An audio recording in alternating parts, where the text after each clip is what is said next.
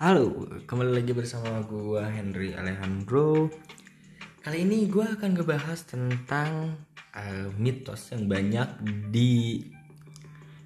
dipercayai oleh orang di luar sana tentang pengusaha. Banyak kan mitos-mitos uh, berkeliaran di sana-sana yang realitanya tuh sebenarnya enggak seperti apa yang kalian bayangkan gitu. Nah, segmen kali ini gue akan bahas panjang. Jadi uh, mitosnya satu, tapi gue bahas secara uh, cukup panjang dan sebenarnya realitanya kayak gimana dan kita lebih baiknya kayak gimana biar kita ambil pembelajaran supaya uh, kita udah bisa mengantisipasi hal, -hal tersebut. Oke, yang pertama gue bahas yang tentang time freedom Nah, banyak banget di luar sana dan mungkin kalian juga uh, yang lagi dengerin uh, sering banget gitu kan percaya kalau pengusaha itu punya time freedom atau kebebasan waktu. Well, ada sih sebenarnya beberapa pengusaha yang mempunyai uh, time freedom tapi uh, menurut gue pribadi ketika dia udah menjadi entrepreneur yang sukses sekalipun justru mereka akan memanfaatkan waktu dengan sebaik-baiknya. Karena pasti di uh, di jajaran entrepreneur tuh time is money kan?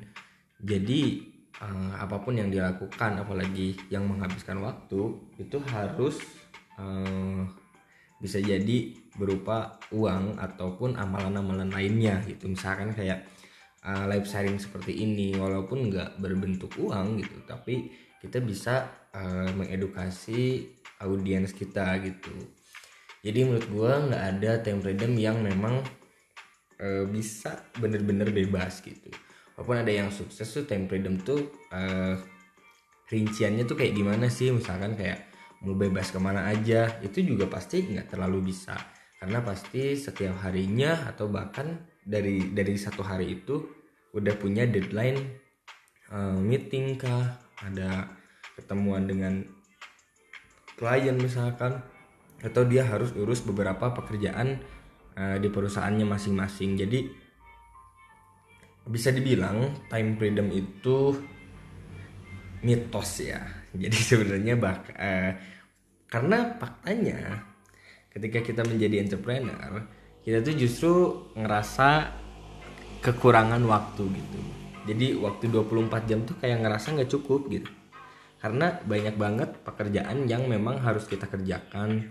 Bahkan ketika uh, jauh-jauh dari deadline pun ketika kita uh, kerjakan justru masih belum beres gitu kan. Udah mendekat deadline pun kadang belum beres. Kadang kita oper uh, minta lebih waktu nih. Misalkan sehari bahkan ada yang seminggu untuk ngerjain beberapa project karena memang waktunya nggak cukup gitu. Coba bayangin misalkan uh, ketika kalian menjadi entrepreneur kalian harus ngurus berbagai hal yang ada di bisnis kalian gitu. Walaupun kalian uh, udah punya tim pun gitu kan uh, pasti waktu kalian akan terkuras dengan hal-hal yang lain juga gitu. Jadi uh, tadi ya time freedom itu mitos dan faktanya kita sebagai entrepreneur itu justru uh, ngerasa kekurangan waktu 24 jam itu nggak cukup gitu. Kita cuma tidur 4 sampai 6 jam itu pun paling lama. Dan kita ngerasa kurang bahwa masih banyak kerjaan yang belum kelar.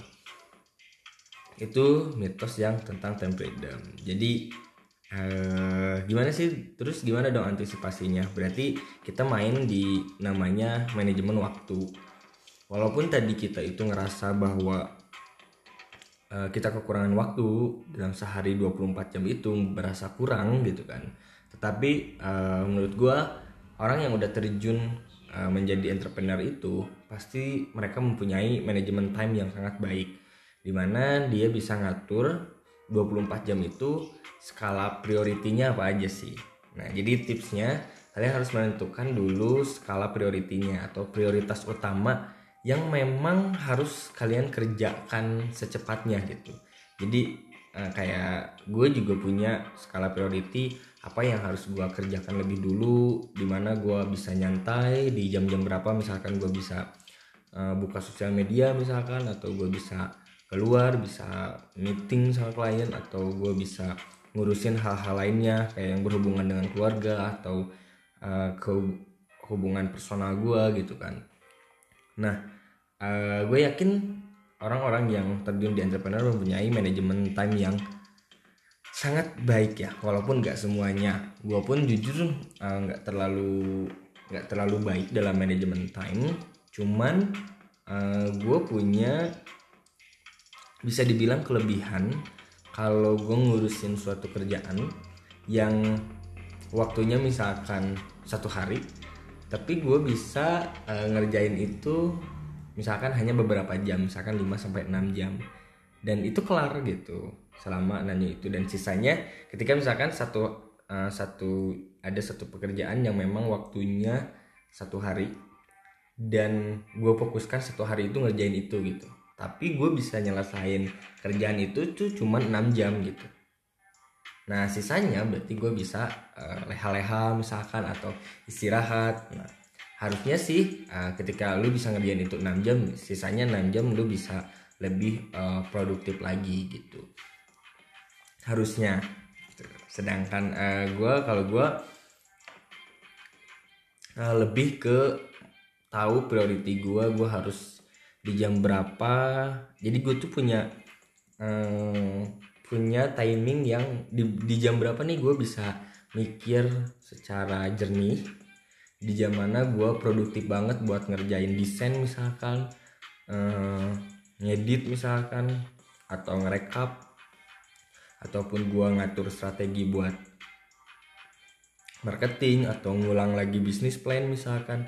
Nah itu gue punya jam-jamnya tersendiri tuh di jam berapa aja gue uh, bisa ngerjain itu dan di jam berapa sebenarnya gue itu nggak produktif gitu. Jadi kayak uh, jam berapa sih gue uh, kalau ngerjain sesuatu tuh nggak pernah beres gitu. Pasti banyak distractnya gitu kan kayak jadi buka handphone atau ada yang manggil atau uh, ada klien yang datang gitu kan atau gue bantuin tim gue gitu kan.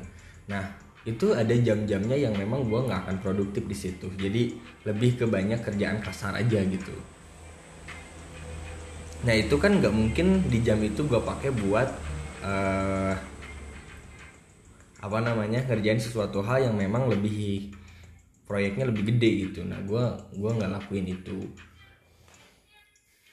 Itu sih kalau gue jadi uh, manajemen tim. Kembali lagi tadi skala priority gitu kan. Kalian tulisin tuh misalnya kalau kayak anak sekolah pun harus mempunyai skala priority karena ini pun gue uh, apa namanya gue lakuin dari ketika gue sekolah uh, bahkan kuliah juga gue pakai skala priority. Dan ketika gue kerja di perusahaan lain pun gue pakai skala priority ini. Jadi uh, ceritanya tuh kalau waktu SMK misalkan yang waktu dulu gue masih SMK skala priority gue tuh lebih ke kayak ngerjain tugas sih. Tugas mana dulu yang penting-pentingnya di jam berapa gue harus belajar dulu ini biar bisa ngerjain dulu ini gitu jadi gue uh, belajar dulu langsung kerjain belajar dulu langsung kerjain. Jadi kan pelajarannya tuh banyak banget kan? Dan gak mungkin lu belajar dulu semuanya langsung lu ngerjain itu semuanya. Jadi nggak akan masuk kan?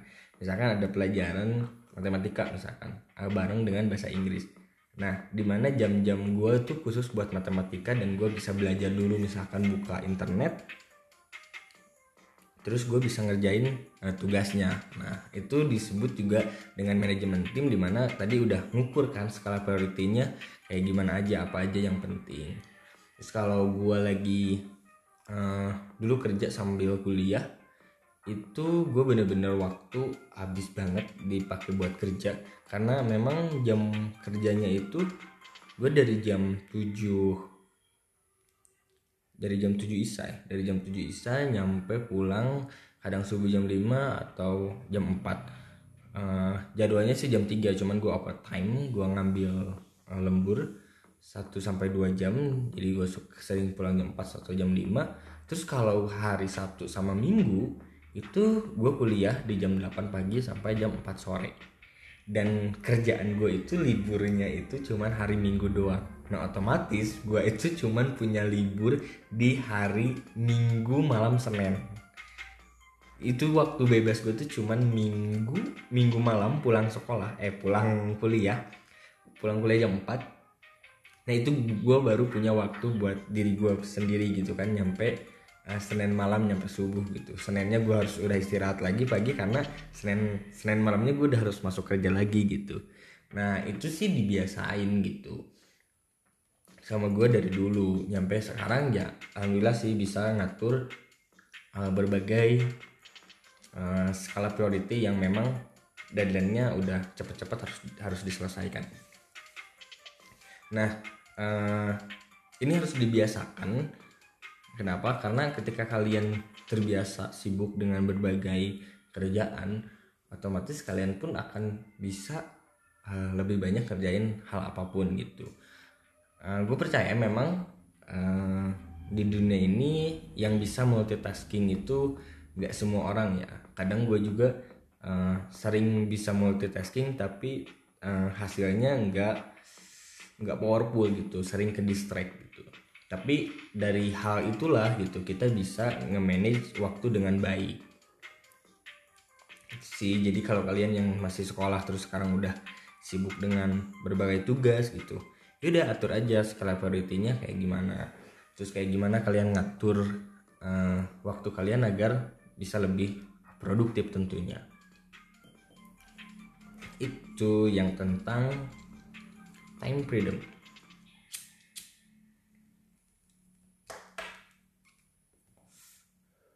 Nah, uh, itu di episode kali ini tentang time freedom yang memang uh, menjadi mitos menurut gue ya. Karena memang yang nggak semua pengusaha juga mempunyai time freedom. Dan bahkan misalkan ada aja gitu kan pengusaha yang udah sukses misalkan terus dia liburan tiga hari atau seminggu misalkan ke luar negeri gue yakin pasti otak mereka udah pengen cepet-cepet balik ke perusahaan gitu ke kantor.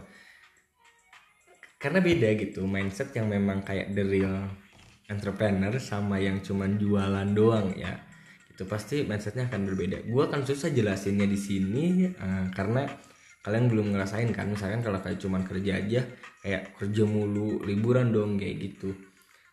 Tuh biasanya sih gue pribadi ketika gue liburan ke mana-mana justru gue nggak ngerasa kayak liburan ya. Uh, memang kan setiap setiap orang itu repressingnya beda-beda ya.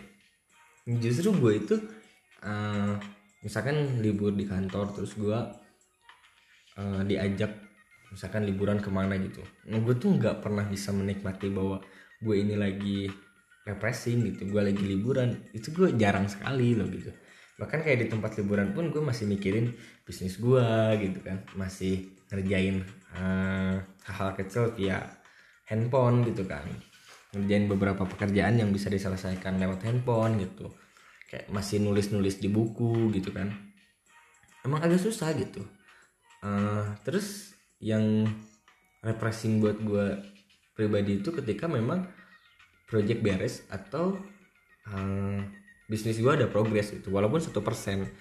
Walaupun satu persen uh, tapi itu berupa progres yang baik gue ngerasa itu udah jadi liburan buat gue dan ya sampai sekarang gue juga nggak pernah liburan juga nggak ngerasa stres kayak gitu.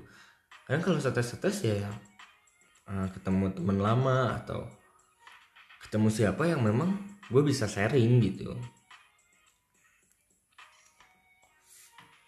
Itu menurut gue udah lebih kayak apa namanya uh, udah bisa repressing buat gua gitu kan. Memang kan beda-beda ya setiap orang ada ada lagi ketika misalkan gue stres banget gitu justru gue lebih banyak lari ke uh, mentor gue apakah gue baca-baca lagi materi yang ada di uh, online course gue gitu kan? Atau gue buka-buka YouTube terus nyari-nyari tentang sesuatu atau gue nyari sosmed tentang info-info bisnis atau hal yang hal yang lainnya yang pasti gue dapet selalu inspirasi atau motivasi ketika gue lagi pudar gitu konsentrasinya. Lagi lagi stres lah bisa dibilang. Lagi burnout kalau di dunia startup ya. Gue bener-bener justru malah nyari hal itu gitu. Sampai ketemu baru gue ngerasa refreshing. Misalkan ada masalah apa ya misalkan ada masalah A lah anggaplah gitu. Misalnya ada masalah A. Nah gue bener-bener kayak cari itu masalah A nyampe dapet. Kayak gimana gue harus selesainnya apa solusinya gitu kan. Apakah ini bisa dieksekusi sekarang atau enggak? Nyampe ke nyampe sedetail itu baru gue ngerasa bahwa itu udah refreshing gitu. Karena uh, menurut gue yang bikin stres juga ketika gue uh, ketemu dengan masalah-masalah di gimana nih cara antisipasinya? Nah kalau nggak ketemu caranya itu kan cukup stres. Nah itu sih yang bikin stres nah makanya kerjanya dipaksain biar biar gimana sih stres itu bisa hilang ya temukan jawabannya temukan solusinya. Karena kalau misalkan lu cuman punya duit terus lu berangkat uh, lu stres nih lu stres terus lu berangkat nyari inspirasi misalkan ke ke Bali misalkan itu emang iya bisa juga gitu. Berangkat ke Bali misalkan terus lu punya ide lagi ya mending itu kalau punya ide kalau enggak gitu kan belum tentu juga lu berangkat ke mana yang lu mau lu balik bisa repres itu belum tentu juga menurut gua ya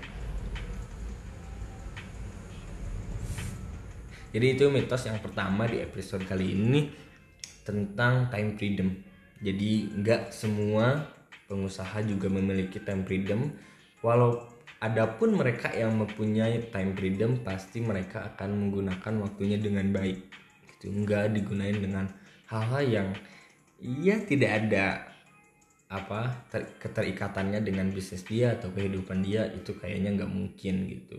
Bahkan yang punya time freedom pun pasti 90% bahkan 100% nya tetap buat keluarga. Itu kan ada keterkaitan dengan kehidupan dia pribadi.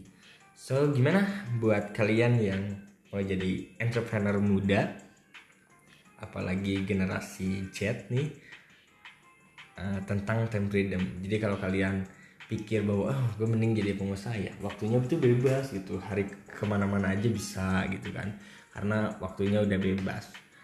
Ah itu mitos banget gitu kan. Realitanya kita bahkan kekurangan waktu 24 jam itu ngerasa nggak cukup buat sehari di dalam kehidupan kita. So uh, tipsnya kayak tadi tentukan dulu skala prioritasnya dan gunakan manajemen time yang sangat baik di dalam satu kali 24 jam itu. Semoga membantu untuk mitos dari time freedom. See you in the next episode